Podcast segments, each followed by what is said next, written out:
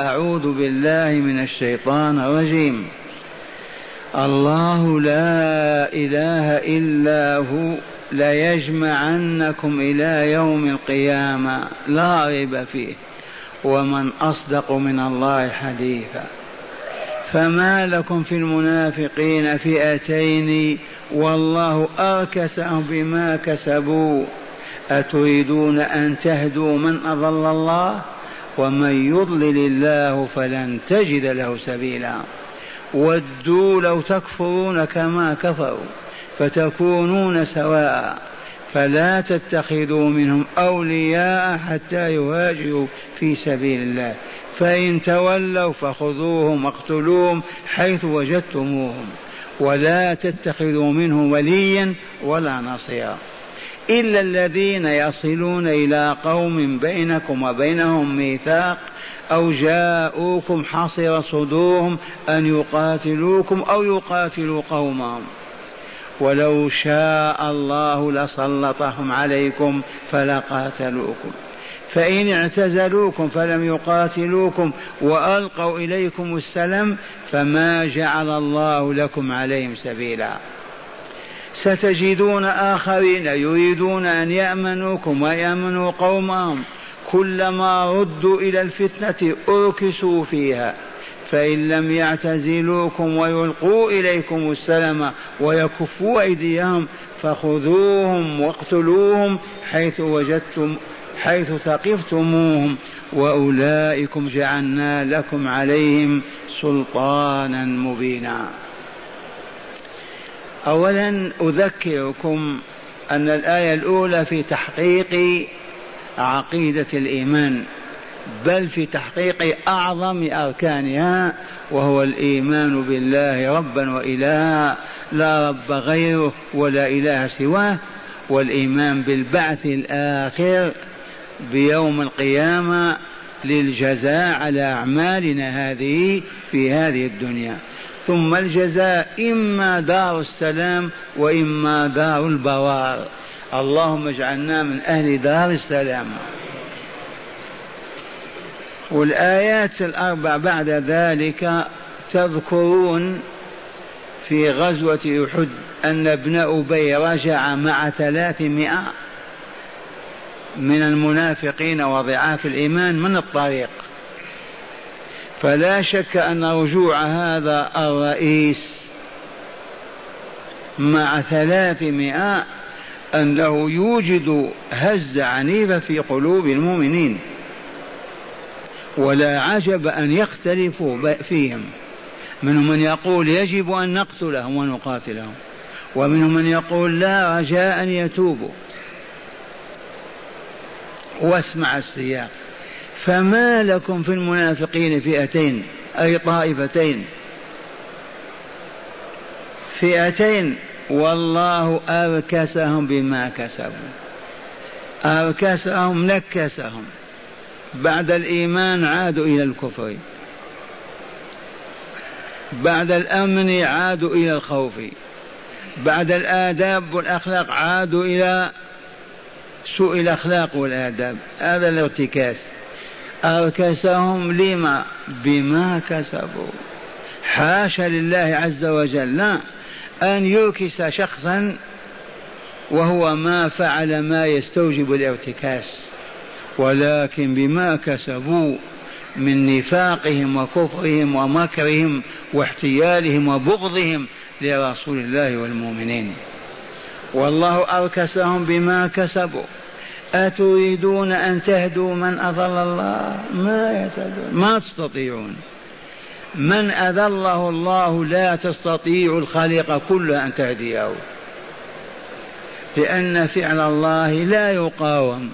أراد الله إضلالهم وأنتم تهدونهم ما تستطيعون. ولماذا أراد الله إضلالهم؟ لأنهم استوجبوا ذلك. بالاستمرار على الكفر والكيد والمكر والأذى للمؤمنين والمؤمنات. إذا غضب استوجبوا عذاب الله. فتأملوا قوله تعالى أتريدون أن تهدوهم؟ أتريدون أن تهدوا من أضل الله؟ ومن يضلل الله فلن تجد له سبيلا أي طريقا إلى هدايته.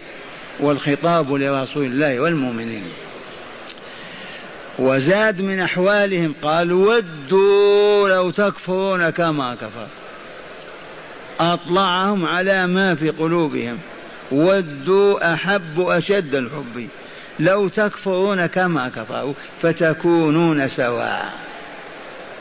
وقد قلت بالأمس وإني على يقين أن عامة الكفار من المجوس من اليهود من النصارى من المشركين من الوثنيين كلهم يودون أن نكون كافرين مثلهم. ولا توجد طائفة تقول لا هؤلاء على نور على حق خليهم هكذا أو شجعوهم على هدايتهم. هذا رمز لهذا المعنى. ودوا لو تكفرون كما كفروا فتكونون سواء. فإذا فلا تتخذوا منهم أولياء حتى يهاجروا في سبيل الله. ذكرنا أن بعض منهم كانوا في مكة. يأتون إلى المدينة يعلنون إسلامهم ويعودون إلى مكة فينافقون. فيجارون عبدة الأصنام والأوثان. إذا فلا تتخذوا منهم أولياء من هؤلاء الذين ذهبوا إلى مكة وعادوا حتى يهاجروا في سبيل الله بأموالهم وأهليهم وأولادهم ويستقيموا معكم في المدينة. أما أن يمسكوا الحبل أو العصا من جانبين أو من وسطها لا. قال فلا تتخذوا منهم أولياء. جمع ولي من وليك؟ الذي تحبه ويحبك وتنصره وينصرك. فلا تتخذوا منهم أحباء تحبونهم وتنصرونهم ابدا لأنهم كفار منافقون. إلى متى حتى يهاجروا في سبيل الله؟ ويصح أن نقول يهاجر في سبيل الله أي ينقطع عن عبادة الكفر والباطل والشر إلى الإيمان والعمل الصالح. هجرة روحية. يهجرون الكفر والضلال ويعودون إلى الإيمان والاستقامة. ويصح لفظ الهجرة بهذا المعنى لقول الرسول صلى الله عليه وسلم والمهاجر بحق من هو؟ من هاجر ما نهى الله عنه ورسوله. المهاجر الحقيقي ما هو الذي ينتقل من بلد إلى بلد بل الذي يهجر ويتجنب ما يغضب الله ورسوله من الذنوب والآثام. قال حتى يهاجروا في سبيل الله فإن تولوا عن الإيمان إذا فخذوهم واقتلوهم حيث وجدتموهم ولا تتخذوا منهم وليا ولا نصيرا. هذا توجيه الله عز وجل لرسوله والمؤمنين إزاء هؤلاء المنافقين سواء في المدينة أو خارج المدينة. ثم قال تعالى مستثنيا إلا الذين يصلون إلى قوم بينكم وبينهم ميثاق. قبيلة من القبائل جماعة من الجماعات مرتبطة بميثاق بعقد مع قبيلة أخرى. وتلك قبيلة بيننا وبينهم عهد وميثاق. فهؤلاء ما ننقض عهدنا وميثاقنا من أجل هؤلاء نتركهم لا نقاتلهم.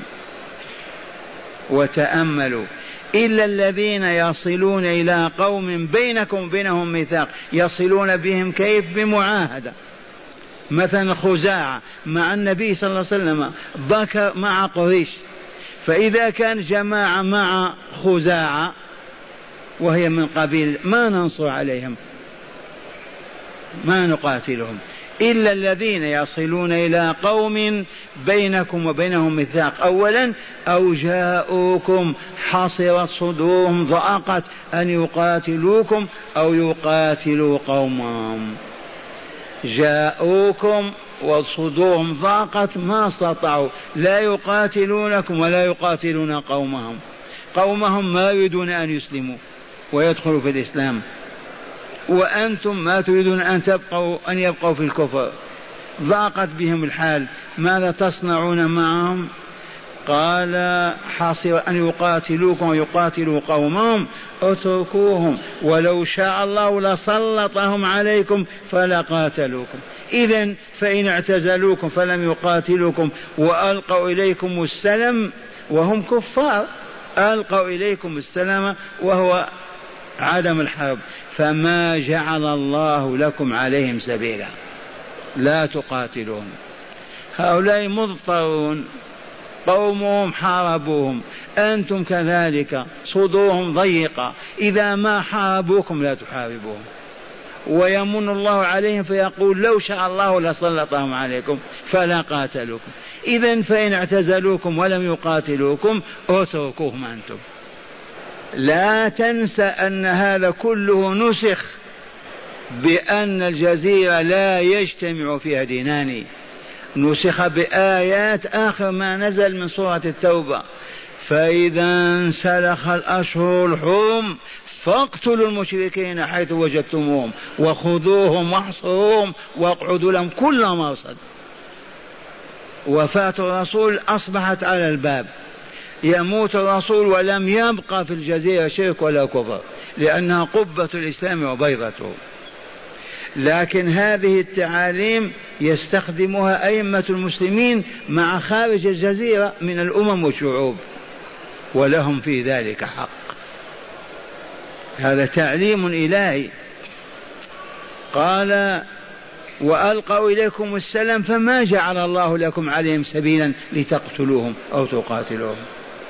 هؤلاء ما يريدون أن يقاتلوكم ولا يقاتلوا قومهم. ماذا يصنعون؟ في كرب. في ضيق إذا اتركوهم لا تقاتلوهم ثم قال تعالى ستجدون آخرين يريدون أن يأمنوكم ويأمنوا قومهم. يريدون أن يمسكوا العصا من الوسط. يريدون أن يأمنوكم ويأمنوا قومهم. كلما ردوا إلى الفتنة أي إلى الكفر والشرك أركسوا فيها. اسمعوا فإن لم يعتزلوكم ويلقوا إليكم السلم ويكفوا أيديهم فخذوهم واقتلوهم حيث ثقفتموهم أي تمكنتم منهم وأولئك جعلنا لكم عليهم سلطانا مبينا. هذه جماعة أخرى. ستجدون آخرين غير الأولين. كيف حالهم؟ يريدون أن يأمنوكم ويأمنوا قومهم. في وقت واحد. كلما ردوا إلى الفتنة فتنة الشرك والكفر أوكسوا فيها. هؤلاء فإن لم يعتزلوكم بعيدا عنكم ويلقوا إليكم السلام بمعاهدة أننا لا نحاربكم ولا تحاربون ويكفوا أيديهم بالفعل قد يعاهدون ويخونون. هؤلاء فخذوهم واقتلوهم حيث ثقفتموهم. حتى ولو كانوا في الكعبة. إذا وأولئك جعلنا لكم عليهم سلطانا مبينا. معاشر المستمعين اسمعوا الآن شرح هذه الآيات الأربعة أو الثلاث. زيادة في الفهم والعلم إن شاء الله. قال المؤلف غفر الله له ولنا ولكم أما الآيات الأربع الباقية فقد نزلت لسبب معين وتعالج مسائل حربية معينة. أما السبب الذي نزلت فيه فهو اختلاف المؤمنين من أصحاب الرسول صلى الله عليه وسلم في طائفة من المنافقين. أظهروا الإسلام وهم ضليعون في موالاة الكافرين. وقد, وقد يكونون في مكة وقد يكونون في المدينة. فرأى بعض الأصحاب أن من الحزم والعزم الضرب على أيديهم وإنهاء نفاقهم. ما اختلفوا فيهم فما لك في المنافقين فئتين. ورأى آخرون تركهم والصبر عليهم ما داموا يدعون الإيمان لعلهم بمرور الأيام يتوبون. فلما اختلفوا وشد الخلاف في شأنهم أنزل الله تعالى هذه الآيات فقال فما لكم في المنافقين فئتين؟ والله أركسهم بما كسبوا. أتريدون أن تهدوا من أضل الله؟ ومن يضلل الله فلن تجد له سبيلا. معشر المستمعين فهمتم هذا؟ واضح يعني. قال ومعنى الآية أي شيء صيركم في شأن المنافقين فئتين. والله تعالى قد أركسهم في الكفر بسبب ما كسبوه من الذنوب العظام. أتريدون أيها المسلمون أن تهدوا من أضل الله؟ وهل يقدر أحد على هداية من أضله الله؟ لا. وكيف ومن يضلل الله حسب سنته في إضلال البشر لا يوجد له هاد ولا سبيل لهدايته بحال من الأحوال. ثم أخبر تعالى عن نفسية أولئك المنافقين المختلف فيهم فقال وهي الآية الثالثة ماذا قال؟ قال ودوا في نفوسهم وإلا لا ودوا لو تكفرون كما كفروا فتكونون سواء. أي أحبوا من قلوبهم كفركم لتكونوا مثلهم وفيه لازم وهو انتهاء الإسلام. يريدون إنهاء الإسلام. هذا الذي قلت لكم لا يوجد فريق في البشر من المشركين الوثنيين الكتابيين يريدون بقاء هذا الإسلام. أبدا. إذ لو وجدت أمة أعجبها الإسلام ورغبت فيه تدخل فيه. لماذا تعيش بعيد عنه؟ فكلهم يريدون أن لا إسلام. لماذا؟ ليستووا مع المسلمين. الكل في الهبوط والسقوط وفي جهنم. قال ومن هنا قال تعالى محرما موالاتهم. إلى أن يهاجروا فقال فلا تتخذوا منهم أولياء فلا تتخذوا منهم أولياء. تعولون عليهم في نصرتكم على إخوانكم في الكفر. ومرة ثانية قال ومن هنا تعالى قال تعالى محرما موالاتهم إلى أن يهاجروا. يعود إلى العمل الصالح والاستقامة أو يعود إلى المدينة ولم يبقوا في مكة أو خارجها. قال فلا تتخذوا من أولياء تعولون عليهم في نصرتكم على إخوانكم في الكفر. ما ينصرونكم أبدا على إخوانهم في الكفر. قال تعولون عليهم في نصرتكم على إخوانهم في الكفر بمعنى يقاتلون معكم. وظاهر هذا السياق أن هؤلاء المنافقين هم بمكة. ظاهر الآية. وهو كذلك. وقوله تعالى حتى يهاجروا في سبيل الله لأن الهجرة إلى المدينة تقطع صلاتهم بدار الكفر. تقطع صلاتهم بدار الكفر فيفت فيفتر عزمهم ويراجع الصدق في إيمانهم فيؤمنوا فإن هاجروا ثم تولوا عن الإيمان الصحيح إلى النفاق والكفر فأعلنوا الحرب عليهم. فخذوهم واقتلوهم حيث وجدتموهم ولا تتخذوا منهم وليا ولا نصيرا. لما؟ لأنهم بارتكاسهم لا خير فيهم ولا يعول عليهم. ثم في الآية الأخيرة يقول استثنى لهم الرب تعالى صنفين من المنافقين المذكورين. استثنى الله تعالى لرسوله والمؤمنين صنفين من أولئك المنافقين المذكورين فلا يأخذونهم أسرى ولا يقاتلونهم. الصنف الأول. الذين ذكرهم تعالى بقوله إلا الذين يصلون إلى قوم بينكم وبينهم ميثاق. أي يلجؤون إلى قوم بينكم وبينهم ميثاق فبحكم استجارتهم بهم طالبين الأمان منهم فأمنوهم أنتم حتى لا تنقضوا عهدكم. والصنف الثاني قوم ضاقت صدورهم بقتالكم وقتال قومهم. فهؤلاء الذين لم يستسيغوا قتالكم ولا قتال قومهم إن اعتزلوكم فلم يقاتلوكم فلا تأخذوهم ولا تقتلوهم واصبروا عليهم. إذ لو شاء الله تعالى لسلطهم عليكم فلا قاتلوكم. إذا فاتركوهم. هذا الصنف هو المعني بقوله تعالى أو جاءوكم حصر صدورهم أن يقاتلوكم أو يقاتلوا قومهم. ولو شاء الله لسلطهم عليكم فلا قاتلوكم. قال فما دام الله تعالى قد كفهم عنكم إذا فكفوا أنتم عنهم.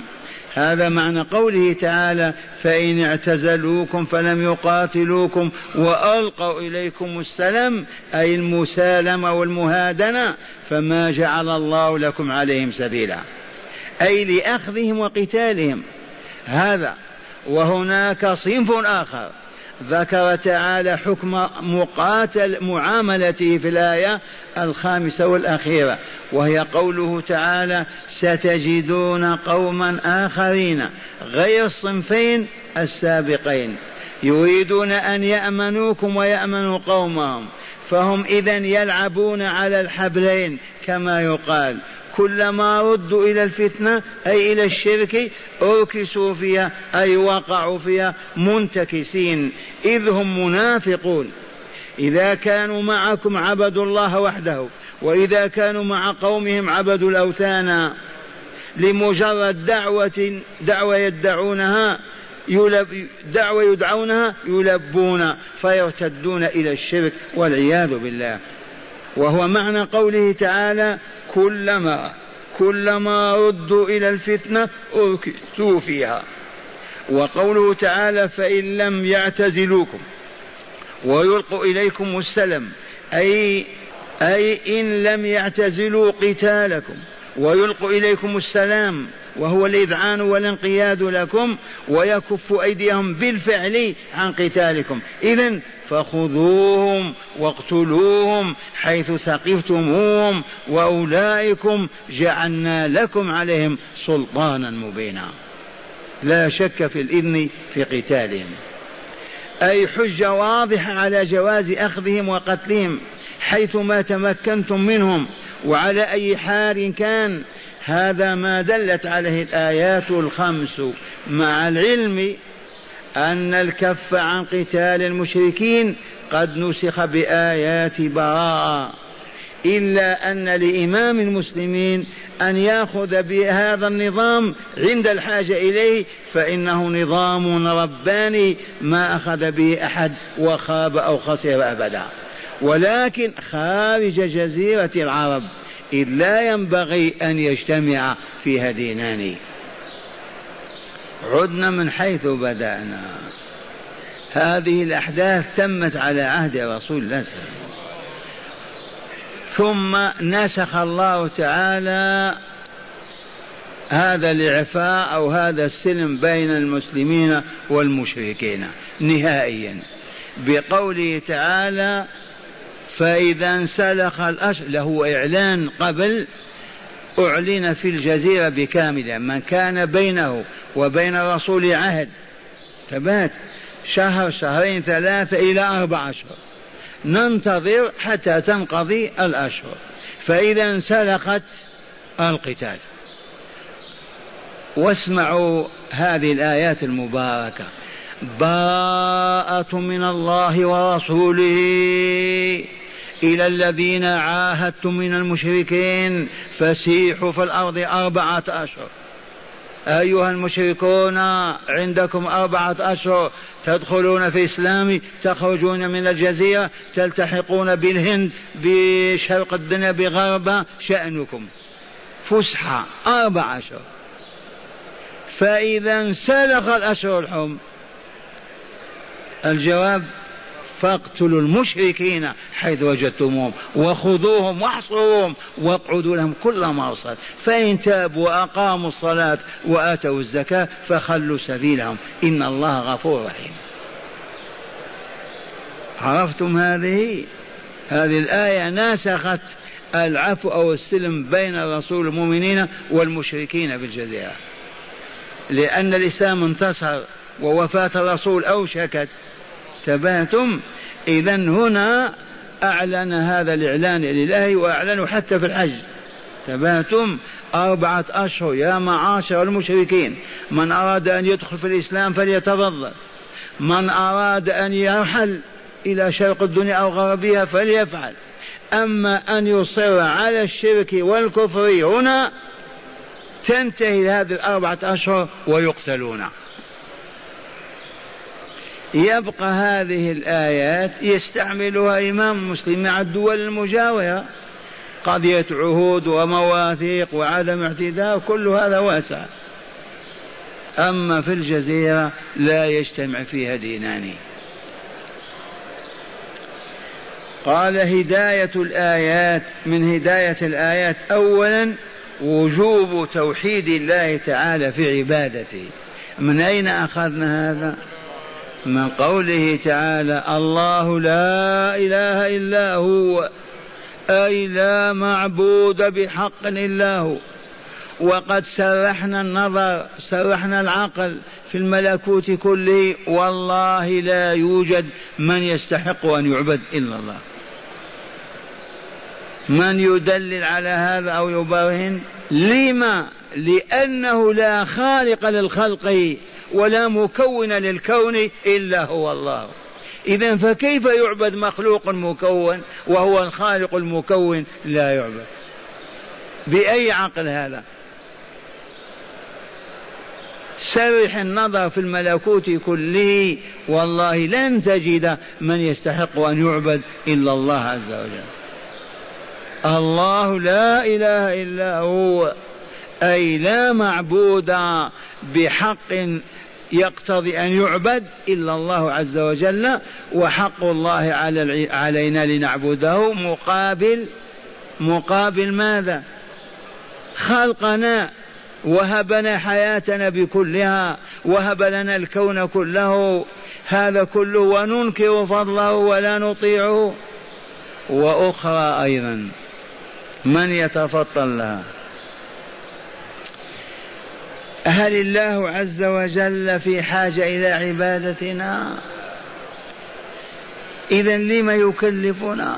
هذا حرام وهذا حلال وقم بكذا وافعل كذا ما دام في غنى عن هذا لماذا إذا من يقوم ويجيب؟ علموا البشرية.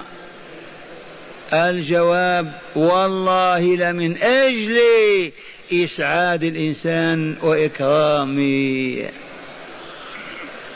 ولو عرف هذا البشر ما كفر أحد. اليهود والنصارى والمشركون والمجوس لم هاربون من عبادة الله؟ اسألوهم. ما فهموا. هذا الإسلام هذا من أجلكم. لتكملوا آداب وأخلاقا وأبدان وعقولا وتسعدوا في حياتكم هذه وفي الحياة الأبدية الباقية. ما فهموا هذا؟ والذين ما فهموا هذا ودخلوا في الإسلام يتألمون من هذه الواجبات يشمئزون ينقبضون كيف نصوم كيف نصلي. لن تكمل ولن تسعد ولن تفضل ولن تشرف إلا بهذه العبادات. هل يستطيع كائن من كان أن يقول إن العبادة الفلانية ضارة غير نافعة؟ أو يقول المحرم الفلاني ضار تحريمه لو أحل لكان أنفعاته. خلي علماء النفس والاجتماع والدنيا كلهم. ما حرم ولا أحل ولا أوجب ولا حرم إلا من أجل إسعاد البشرية وإكمالها. أما وفي غنى مطلق عن الخلق إذ كان ولم يكن شيء غيره.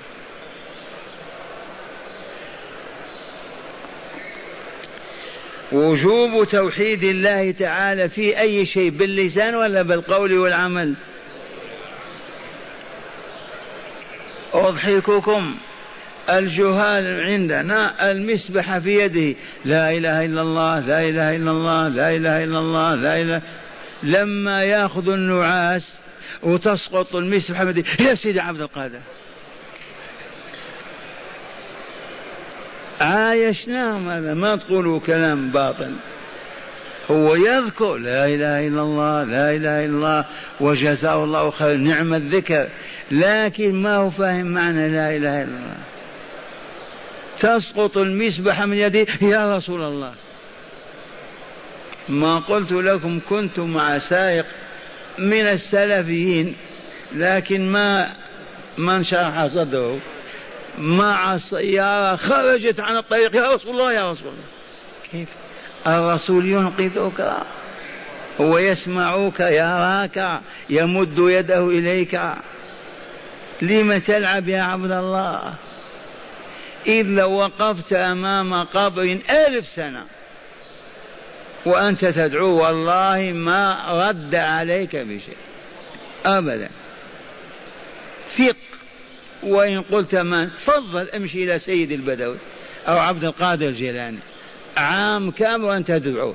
والله لن تسمع صوته ولا رد عليك ولا قضى حاجتك أبدا. مع ما أفرغته على نفسك من غضب الله وسخطه. ما يدعو الله لك وأنت عبده أن تضل عاما كاملا ولا تعرف الطريق إليه. وقد بينا للصالحين والصالحات أمثلة حية.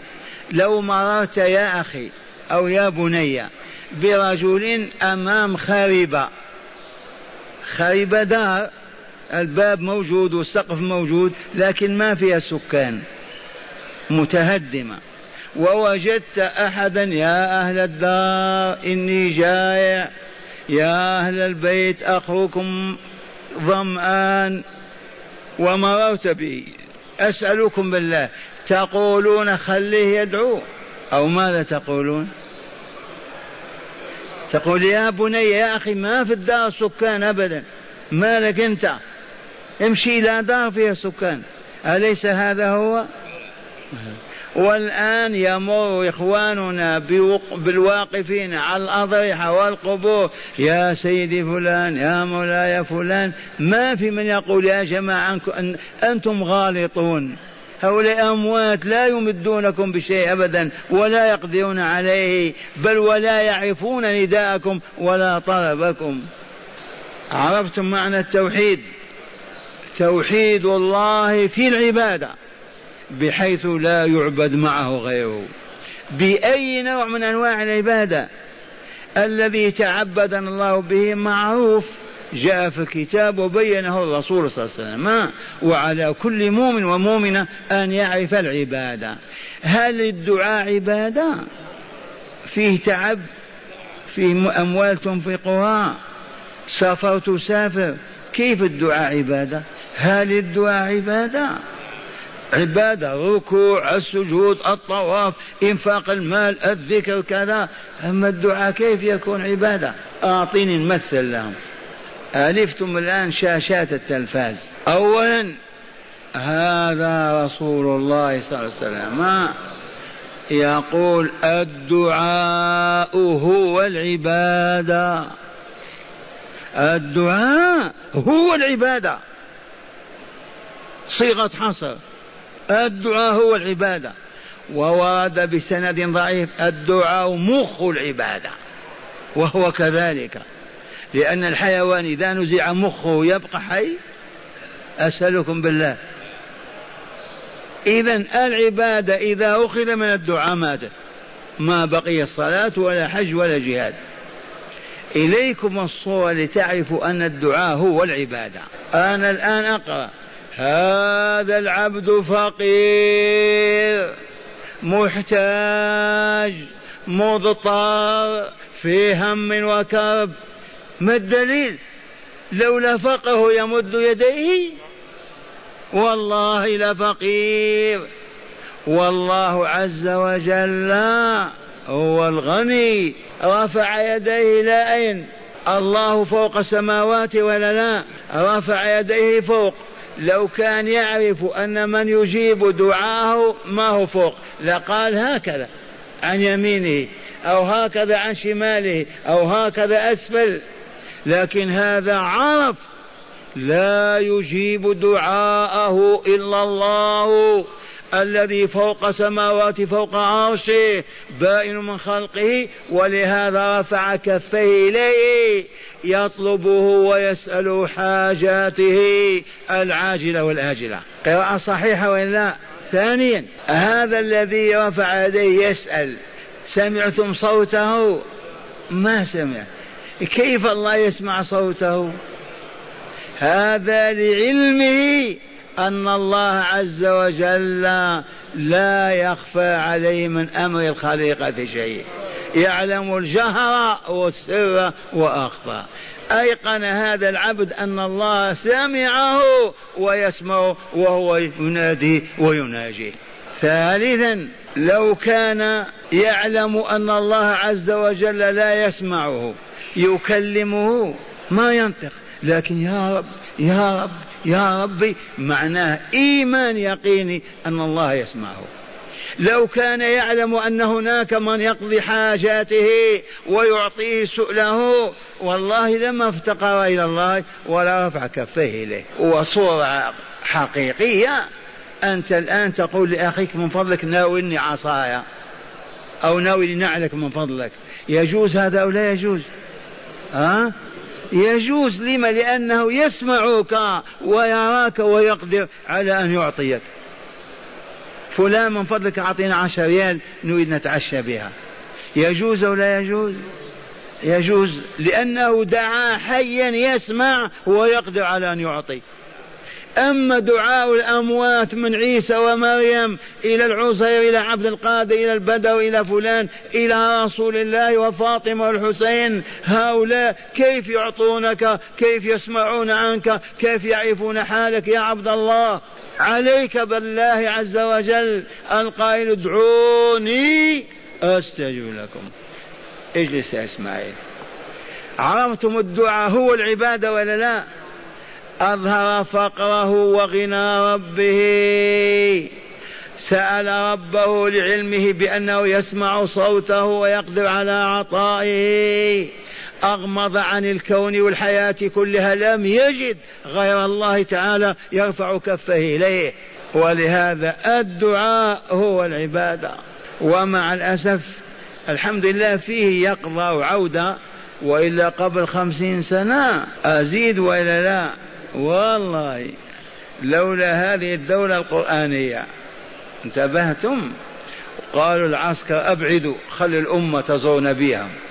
لرأيتم الركع السجد الطائفين السائلين بأعلى الأصوات. يا رسول الله يا أبا فاطمة يا كذا يا كذا كأنهم ما قرأوا القرآن. وهكذا كانت أمتنا حوالي ثلاث أربعمائة سنة بهذه الطريقة. نزور ضريح سيدي فلان الخميس أو الاثنين أمم نساء ورجال ينقلون المرضى. والله لقد نقلت والدتي ابنتها سعدية وهي مصابة بمرض جنون. إلى سيد عبد الرحمن الأخضري. على على حمار أكثر من ثمانية كيلو ووضعتها في ضريح عبد الرحمن الأخضري للشفاء. هذا قبل أن تتعلم والدتي من طريقي أيام كنا يتامى. أما وقد تعلمت وأصبحت موحدة رقم واحد وماتت على لا إله إلا الله. هذه أمور كالشمس. ومن أراد أن يتفضل يذهب إلى الأضرحة في أي بلد. الأضرحة الممتازة كسيدي أحمد البدوي كسيدي عبد القادر كفلان. الآن ويجد أمما جاثمة على ركبها تدعو وتسأل. ما سبب ذلك؟ الجهل. في غير الجهل لا الجهل. حتى لو كان مضللين ما يستطيعون أن يضللوا العالمين أبدا. يضللون الجهل. أما الذي عرف كيف يضللونه؟ الجهل. هيا نقضي على هذا الجهل. ما الطريق؟ السلاح. كيف نقضي؟ الأموال. والله لا مال ولا سلاح ولا هرج ولا مرجى ولا أبدا إلا فقط أن نسلم. خذ يا ربي قلبي ولساني ووجهي. أهل قرية أهل مكان ما يجتمعون في بيت ربهم اجتماعنا هذا. النساء وراءنا والرجال أمامنا ليلة آية كليلتنا وأخرى حديثة طول العام ما تمضي سنون إلا ولا يوجد جاهل ولا جاهلة. بدون كتاب ولا قلم. يتعلمون ويعملون. ولا تسأل عن ثمار ذلك ونتائجه الطيبة. ينتهي الحسد البغض العداء الشرك الباطل ويظهر الخير والولاء والصفاء والمحبة. كم يكلفهم هذا؟ لا شيء. قلنا لهم اليهود والنصارى في أمريكا أوروبا دقت الساعة السادسة أوقفوا العمل. والله العظيم. وذهبوا إلى دور السينما والمراقص والملاهي. وأنتم يا ربانيون لم توقفون العمل الساعة السادسة وتأتون إلى بيوت ربكم بنسائكم وأطفالكم تتعلمون الهدى وترتقون إلى سماء الكمالات من طريق قال الله قال رسوله صلى الله عليه وسلم. هل يكلف هذا شيئا؟ ولا شيء.